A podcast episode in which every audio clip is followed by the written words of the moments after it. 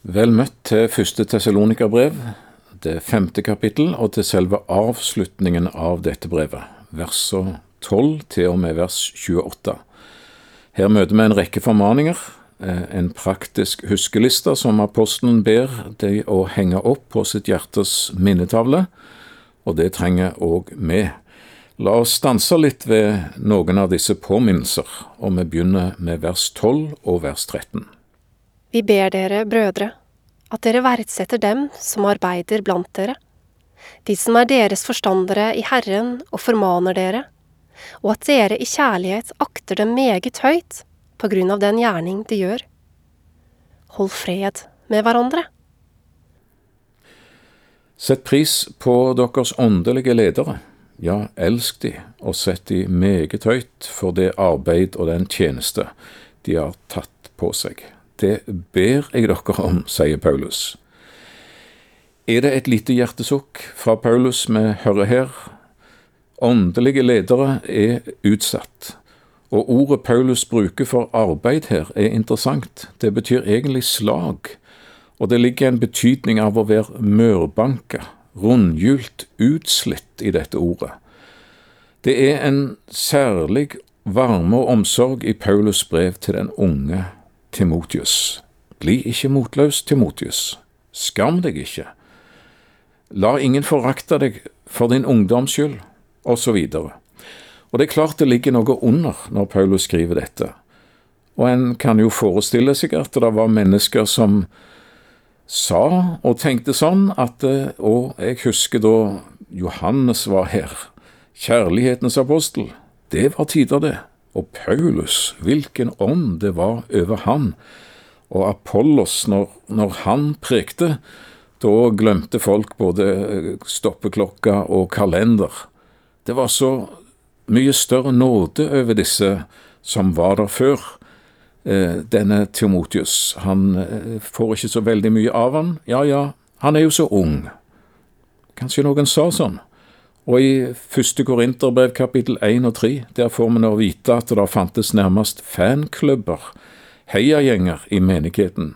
De som favoriserte Paulus, de som heia på Apollos, og de som holdt en knapp på Peter. Ingen av disse ønsker seg noen egen fanklubb. Tvert imot, men likevel.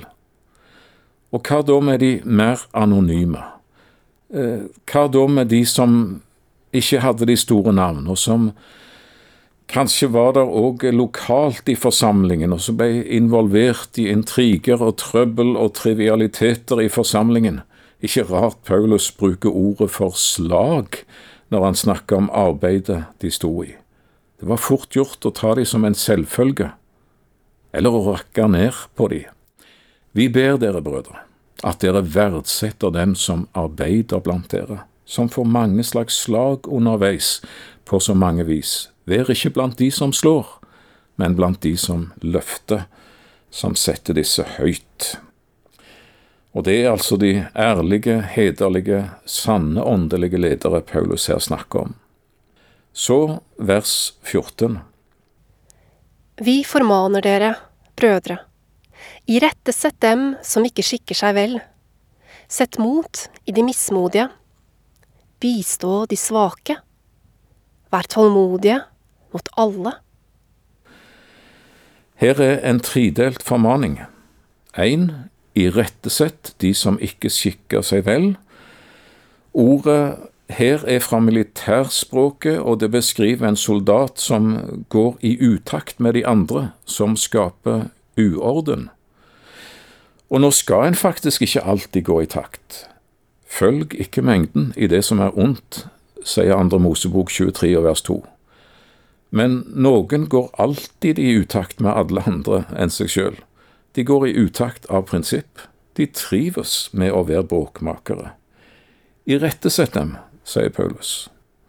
For vi er kalt til å gå i takt med Skriftens ord, og den som holder taktstokken, er Den hellige ånd, så la oss sammen finne åndens og ordets rytme og orden, og ikke gå i utakt med Herren. For det andre, sett mot i de små sjelede. Ja, det er faktisk hva grunntekstordet sier, de som har små sjeler. Et underlig uttrykk som aldeles ikke betyr at eh, disse har et fattig sjelsliv, men de har ikke så mye styrke i hverdagen. De er ikke robuste. De er sårbare, engstelige. De mister så fort motet. Hva med disse? Skal de ha en kraftig kjennepreken? Nei, sett mot i dem, sier Paulus. Stell godt med de. Les Jesaja 41 og vers 10 for de. Frykt ikke, for jeg er med deg. Se deg ikke engstelig om, for jeg er din Gud. Jeg styrker deg og hjelper deg og holder deg oppe med min rettferds høyre hånd. For det tredje, bistå de svake, de skrøpelige, de syke, som ordet òg betyr. Ja, la oss huske hva Mesteren sa i Matteus 25 og vers 40. Alt dere gjorde mot en av disse mine minste, det gjorde dere mot meg. Og mot alle skal men utvise tålmodighet.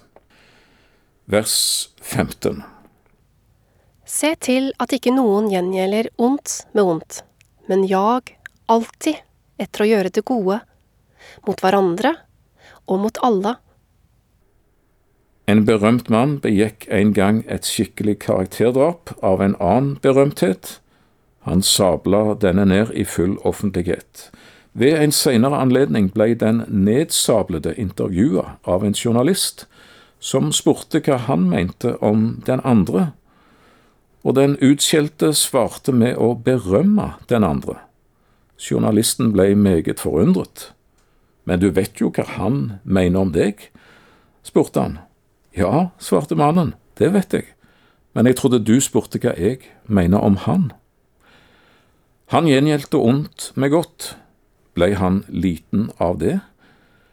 Romerbrevet 12 og vers 21 sier, La deg ikke overvinne av det onde, men overvinn det onde med det gode. Det er et ord til meg, et ord til deg. Så kommer tre umulige anførselstegn formaninger Tre perler på ei snor, vers 16 til og med vers 18. Vær alltid glade. Be uten opphold. Takk for alt. For dette er Guds vilje for dere i Kristus Jesus.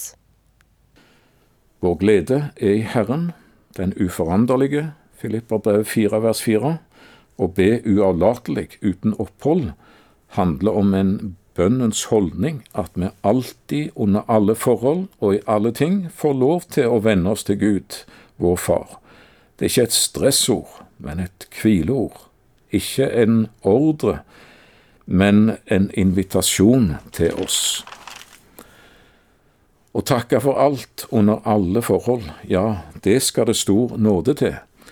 Så vet vi at Romerbrevet 8 vers 28 sier at alle ting samvirker til gode for dem som elsker Gud. Så kan vi iallfall takke for det. Vers 19 til og med vers 22. Utslokk ikke ånden. Forakt ikke profetisk tale, men prøv alt. Hold fast på det gode. Hold dere borte fra all slags ondt. Den hellige ånd liknes her med en brennende ild Vær brennende i ånden, tjen Herren, sier Skriften. Og Emmausvandrerne sa, brant ikke vårt hjerte i oss da Han talte til oss på veien og åpnet Skriftene for oss. Men når Jesus ikke får oss i tale, og når Skriftene lukkes igjen, da avtar Åndens ild i et menneskeliv. En kan gjøre Den hellige ånd sorg, Efeserbrev 4 vers 30. Jesus får mindre plass, synd større plass. En kan strupe åndens ild, ja, faktisk helt utslukke ånden, så han i sorg må forlate et menneske, og frafallet er et faktum. Utslukk ikke ånden. Forakt ikke profetisk tale, noen gjorde det, men i første Korinterbrev 14 løfter Paulus denne profetiske tale helt til topps på nådegavelista, altså den åndsfylte utleggelse og forkynnelse av det profetiske ord, til oppbyggelse, formaning og trøst, som det står i vers 3 der. Jeg anbefaler første Korinterbrevet kapittel 14 til nærmere studier. Så skal alle åndsytringer, all forkynnelse, prøves, og vårt måleinstrument er verken pulsklokka eller magefølelse, men Guds eget robuste ord. Vi går til vers 23 og vers 24.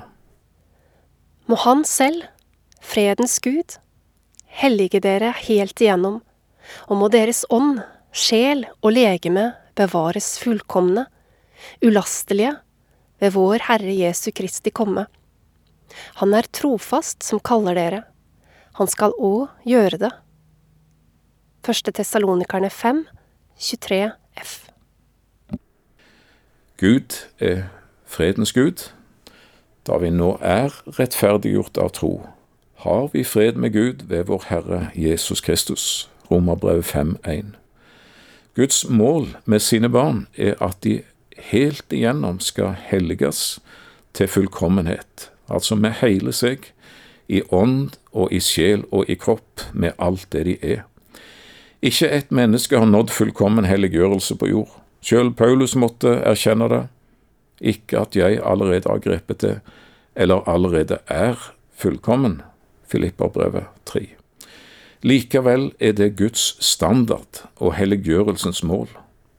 Absolutte, det tvers gjennom fullkomne, i ånd, i sjel, i kropp. Så gjelder det bare at vi, så langt vi er kommet, holder fram i samme spor, oppmuntrer Filipperbrevet 3 og vers 16 oss i ja til Jesus og nei til synden-sporet. Så er det ikke sånn at et menneske har en ånd, har en sjel og har en kropp. Mennesket er ånd, er sjel og er kropp. Ofte er begrepene ånd og sjel så tett og nært forbundet at de brukes om hverandre i Skriften. De er så tette fordi begge går på vårt indre menneske, på tanker og vilje og følelser og personlighet, altså vårt indre liv og bevissthet, vårt jeg. Men når det skilles, som det av og til gjør i Skriften, da går sjelen syken på det, den menneskelige bevissthet, det, det timelige, det sansbare, det som hører denne verden og tilværelse til. Vår ånd, den strekker seg høyere, mot det som ligger over og utenfor det sansbare og timelige, mot det evige, det guddommelige. Og vår ånd kan ikke gi oss svar, men får menneskene til å stille de store spørsmål. Og for et Guds barn, ånden selv vitner med vår ånd at vi er Guds barn. Romerbrev 8, vers 16. Når Jesus kommer, da skal vi alle bli forvandla. 1. Korinterbrev 15 vers 51. Og da er det en totalforvandling det er snakk om, fra innerst til ytterst. Vår ånd, vår sjel, vår kropp, alt det vi er, hele mennesket, forvandles til fullkommenhet. Synd er ikke mer, og døds- og forgjengelighetskreftene må slippe taket. Han er trofast som kaller dere. Han skal òg gjøre det store ting i vente. Så er vi kommet til de avsluttende og ord, og jeg tror bare vi skal ta oss tid til å lese og høre disse. Vers 25 til og med vers 28. Brødre, be for oss. Hils alle brødrene med et hellig kyss. Jeg tar dere i ed ved Herren. La brevet bli opplest for alle brødrene. Vår Herre Jesu Kristi nåde være med dere.